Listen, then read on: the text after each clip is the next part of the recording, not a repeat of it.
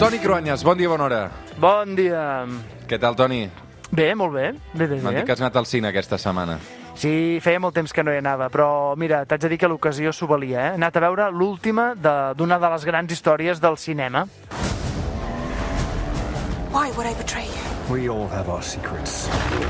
Has anat a veure l'última pel·li de, de James Bond, Sin tiempo para morir. Uh, jo t'he dit que encara... És que a mi em fot... Vaig veure que durava, uh, crec que més de dues hores i mitja, i, i, sí. i a més ara hi ha bones pel·lis al cine, i, i la tinc pendent. La tinc Ves-la a veure, ves-la a veure. Jo m'ho he passat molt bé. És, és llarga, gairebé 3 hores, ja ho dius, però l'argument és trepidant, hi ha persecucions increïbles, efectes especials, ho té tot. Bond. James Bond. My name is Bond. James Bond. Bond. James Bond. The name's Bond. James Bond. Mira, per ordre, crec que eren Sean Connery, Roger Moore, Pierce Brosnan i, i aquest últim, que és el Daniel Craig, que, que s'acomiada amb aquesta pel·li. Sí, és que inici... a veure, inicialment el mateix Sean Connery va pensar que l'encasellarien en aquest paper i que no podria desenvolupar la seva carrera com a actor.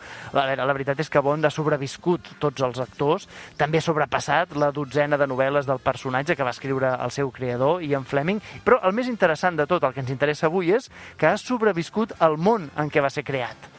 Sí, de fet era el, el prototipus d'espia de la Guerra Freda i, i clar, la Guerra Freda ha, han passat 30 anys, ja, no? Sí, la primera pel·lícula, El doctor No, l'any 1962, va ser un èxit sorprenent. A veure, les novel·les d'Ian Fleming ja havien tingut un cert èxit. De fet, el personatge inicial, això té gràcia, era un home aparentment molt normal, al que li havien de passar coses extraordinàries. El nom, Ian Fleming el va copiar d'un ornitòleg americà. Ell era molt aficionat a mirar ocells. Doncs això, un home, aparentment, i si era ornitòleg encara més, un home avorrit. Ah, tot i que tant, tant les novel·les com les pel·lícules de, de James Bond um, el personatge té totes aquestes característiques d'home alfa, no? Sí, és que immediatament van canviar el personatge, té un físic molt fora del normal, li agrada el luxe, la promiscuitat, l'actitud aquesta misògina davant les dones. Eh, ja amb la tercera pel·lícula, Goldfinger, ningú tenia dubtes de l'èxit del fenomen amb aquestes característiques de James Bond. He's the man, the man Un altre clàssic de les pel·lícules de 007 són les noies Bond, les que anomenades noies Bond, no? Sí, a veure, aquí un tema una mica com polèmic. Mira, ja el doctor No apareix Úrsula Andrés amb el seu biquini, aquella escena famosa de la platja, mm. i amb el nom de Honey Rider, que es podria traduir per muntadora de mel. Eh, I després ja amb Goldfinger hi ha la Pussy Galore, que en anglès també té un doble sentit, es refereix al genital femení. Si ho traduíssim, això és una mica estranya, però seria com dir figa a manta, no? És a dir, moltes figues. Eh, I també la pel·lícula Octopussy torna a ser un joc de paraules sexual. És a dir, que si van decidir no traduir-les, però penseu que en l'anglès que ho entenien, és com si, no sé, haguéssim vist acudits del Pajares i l'Esteso del destape espanyol dels anys 70. Fatal, vaja.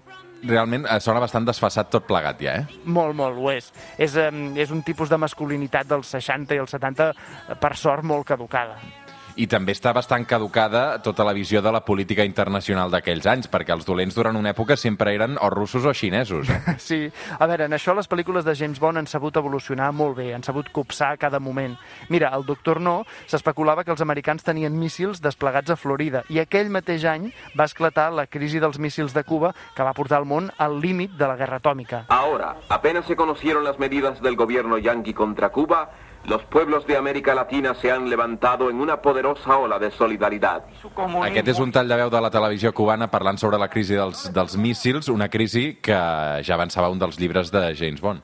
Després, als anys 80, des de Només per als teus ulls i 007 Alta tensió, es veu l'evolució dels soviètics i les tensions internes entre, per exemple, el general Gogol i el general Orlov a favor i en contra del que després seria, en la realitat, la perestroika.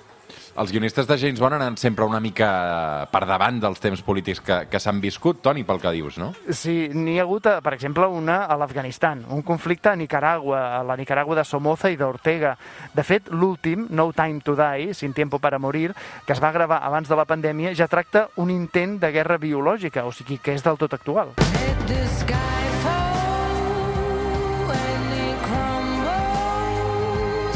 Aquesta és una de les millors bandes sonores, crec que aquesta és la de Skyfall que canta la- l'Adele. Uh, Sí, i, molt No sé, bona. a- aquesta era molt bona, sí. I mm, en aquesta última pel·lícula, pel que he vist als tràilers i, i, i gent també que en parlava, crec que hi ha un agent 007 que, uh, que és negre, no? Sí, a veure, no pateixis que no és un spoiler, perquè es veu des del principi de la pel·lícula, això, eh?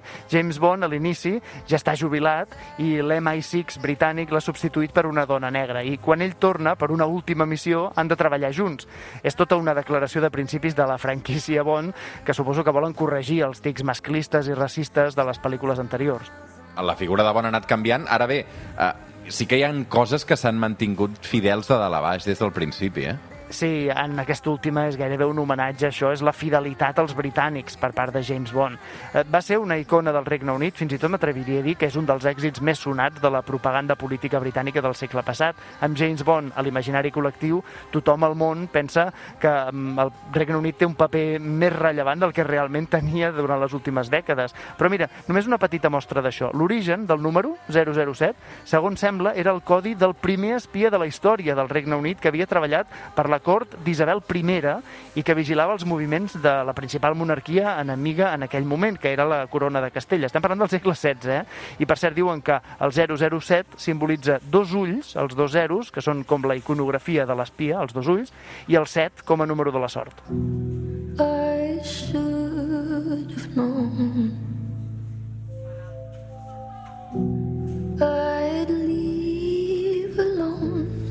Avui arribarem a les 9 del matí amb la banda sonora d'aquesta última pel·lícula del Daniel Craig. És de la Billie Eilish. La coneixes, eh, Toni?